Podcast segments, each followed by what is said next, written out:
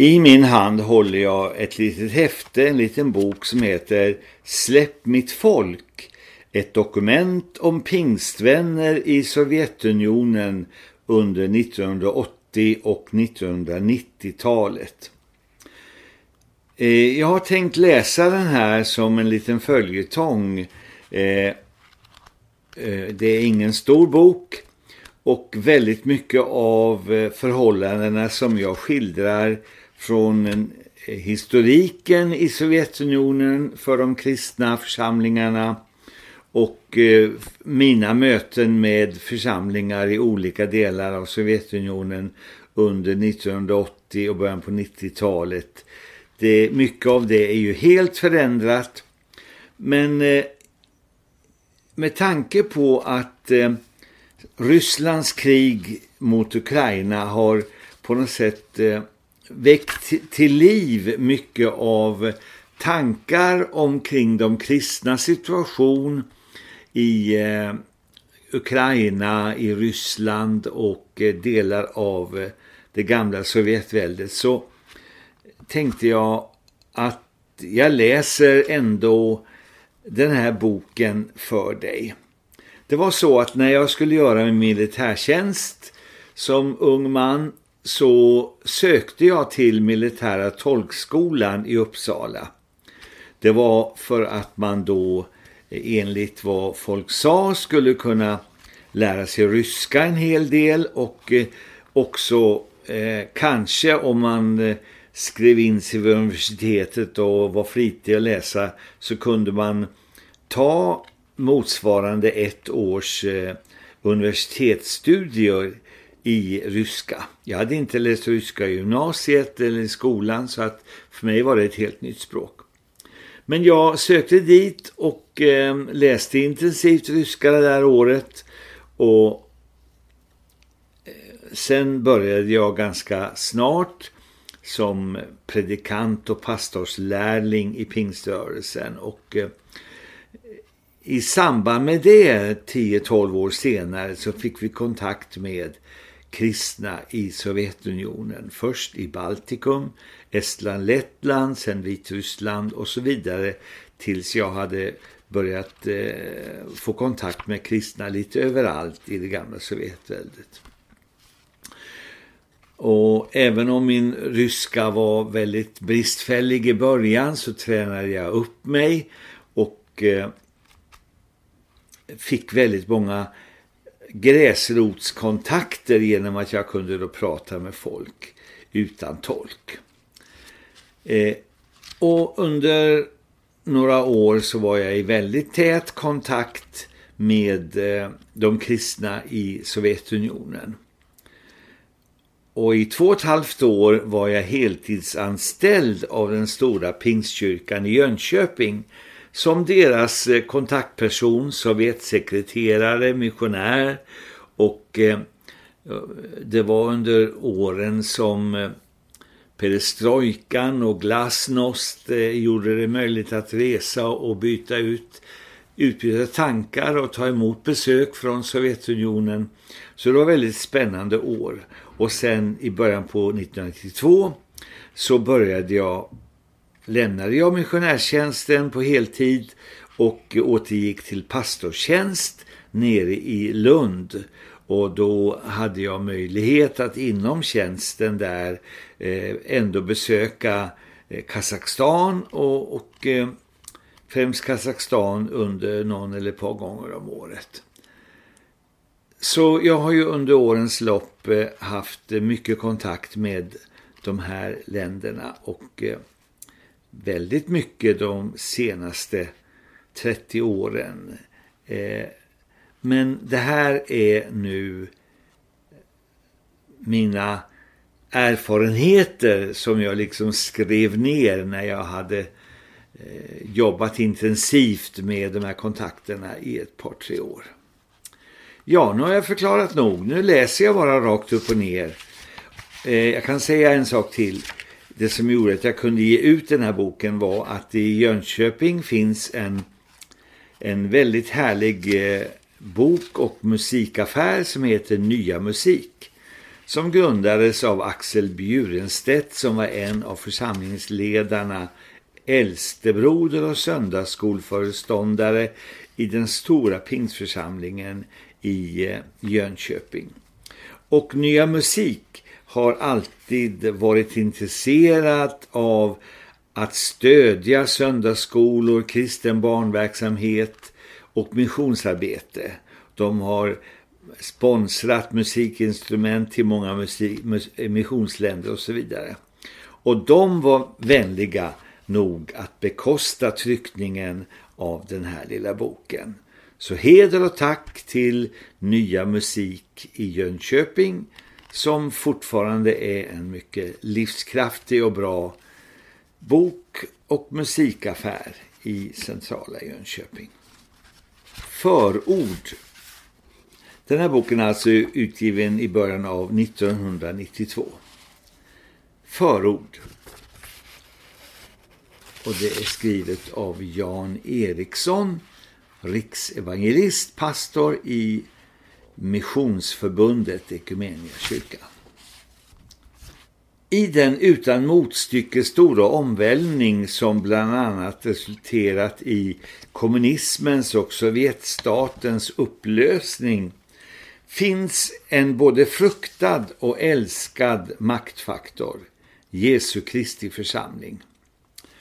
Under 70 års förtryck har den fått leva smärtsamt isolerad både som gemenskap inom staten men också i förhållande till världens övriga kristenhet. Hur ser denna del av Kristi kropp ut? Hur har den utvecklats och vad kan den lära vår västerländska kyrka? Ingvar Holmberg är den västerlänning jag mött som talar ryska inifrån, säger Katja, rysk-svensk tolk i Moskva. Det omdömet korresponderat dåligt med vad författaren till denna bok inledningsvis själv så blygsamt påstår. Den markeringen inger respekt. Inifrån talar Ingvar Holmberg. Humoristiskt, varmt, respektfullt och med stor beundran för människor han mött. Inifrån berättar han om de ryska gummorna som tigit i församlingen och fött massor av barn. Om familjeliv och sex med en öppenhjärtighet som kan kännas både främmande och nödvändig. Om religiös intolerans och hård disciplin. Om slipsen som judassnaran. Om dignande bord för utländska gäster på bekostnad av den egna maten om förstelnad traditionalism och väckelsens nya utmaningar. Den här boken hämtar sin styrka ur mötet med människor på ort och ställe, ur charmen i ett hemma hos-reportage. Så initierat har hittills ingen talat om den förra Sovjetstatens kristna som vi här får del av. Älvängen i januari 1992 Jan Eriksson. Jag heter Ingvar Holmberg och jag halkade in på Sovjetmissionen på ett bananskal. Egentligen var det så långt från mina intressen och min läggning man kunde komma. Mitt missionsfält var ju Indien, där jag växte upp som barn och sen också arbetade sammanlagt två år som missionär. För övrigt har jag varit förkunnare och pastor i olika pingsförsamlingar i ett tjugotal år. Ryska läste jag mycket intensivt under ett år i ungdomens dagar för att göra något nyttigt under lumpen, som jag själv sa. Sen glömde jag tyvärr ryska mycket noggrant under 13 år. Två Sovjetintresserade Örebro-missionare i Örnsköldsvik hade hört att jag kunde lite ryska. Det tog mig med till Riga i Lettland för en rekognoseringsresa för att besöka en församling och samtala om en antydd möjlighet att få sända några tusen biblar och kristna böcker officiellt. Siffran var svindlande, för det här var 1979, långt innan glasnost och perestrojka och Bibeln till allas långtradare fullastade med Nya testamenten på ryska. Jag kunde knappast säga en mening på ryska utan att slå i mina stora lexikon. Ändå fick vi en hel del gjort och det var en stor upplevelse att möta Sovjets kristna genom den ryska baptistförsamlingen Betania i Riga. Sen blev det en eller två resor till Sovjetunionen varje år och de senaste åren har det blivit tätare mellan resorna. Så halkade jag en gång till för nästan tre år sedan. Några personer intresserade av Sovjetarbete satt på dagen Ibras konferensrum i Stockholm och talade om behovet av någon som kunde satsa mer helt på Sovjet. Jag kan ställa upp och min fru går med på det och om ekonomin löser sig, hörde jag mig själv säga. Så blev jag ombedd att bli Sovjetmissionär för ett par tre år och fick Philadelphia-församlingen i Jönköping som huvudarbetsgivare. På så sätt blev jag också något av den svenska pingströrelsens kontaktman för Sovjetunionens kristna och då i synnerhet för pingstvännerna. Det här kontaktmannaskapet har varit en svår uppgift som jag antagligen har skött till och med sämre än en del andra saker. I någon mån har jag kanske kunnat bidra till att vänförsamlingskontakter har knutits och till att de olika pingstgrupperna i Sovjet äntligen har börjat att acceptera varandra som verkliga kristna och börjat samarbeta med varandra. De gemensamma sovjetiska delegationerna till pingströrelsens predikantvecka i Stockholm 1990 och till Euroflame i Jönköping 1991 har också inneburit viktiga träffpunkter för Sovjets pingstvänner. Jag har lärt mig mycket om Sovjetunionens pingstvänner under de här åren. Gud har öppnat dörrar till de olika pingströrelserna, till deras pastorer och biskopar och ärkebiskopar. Så har jag också haft mycket kontakt med gräsrötterna, församlingsmedlemmarna. Min numera fullt begripliga om en osköna ryska har kanske gett mig en unik möjlighet till närkontakt och långa samtal och diskussioner med ryskspråkiga kristna på olika nivåer i församlingarna. Jag tror att jag har en ganska allsidig bild av hur pingstvännerna i Sovjet har det och hurdana de är. Den bilden vill jag förmedla vidare. Den är nog bitvis subjektiv och provocerande och obekväm men den är en ärlig dokumentation från min sida. Kanske är det ingen nackdel att jag alltid har haft lite distans till mitt tillfälliga missionsfält. Aningslöst och romantiskt accepterande av allt de ryska kristna står för bara för att de har suttit i fängelse för sin tros skull är inget för mig. Ändå har jag fått en djup respekt för mycket i den ryska pingsväckelsen. Man tar Bibeln och tron på allvar. Man har stått trogen Gud i alla motgångar. Man evangeliserar ivrigt och flitigt överallt. Jag beundrar de sovjetiska pastorerna som till och med av förföljelse och fängelse och fångläger har skapat framgångar och segrar för Guds rike. Men mest beundrar jag kvinnorna, de ryska gummorna. De har tigit i församlingen och fött massor med barn.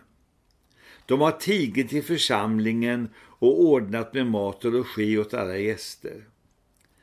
De har tigit i församlingen och varit övergivna för Guds rikets skull. De är hyckleprydda och böjda men sega och starka. De har bett och gråtit och överlevt och segrat. Detta är den seger som har övervunnit världen och kommunismen, de ryska gummornas tro. Nu måste det sägas, det finns mycket i den sovjetiska ryska pingsrörelsens lära och liv som jag avskyr. Men människorna är verkligen älskvärda. Släpp mitt folk. Jönköping årsskiftet 1991-1992.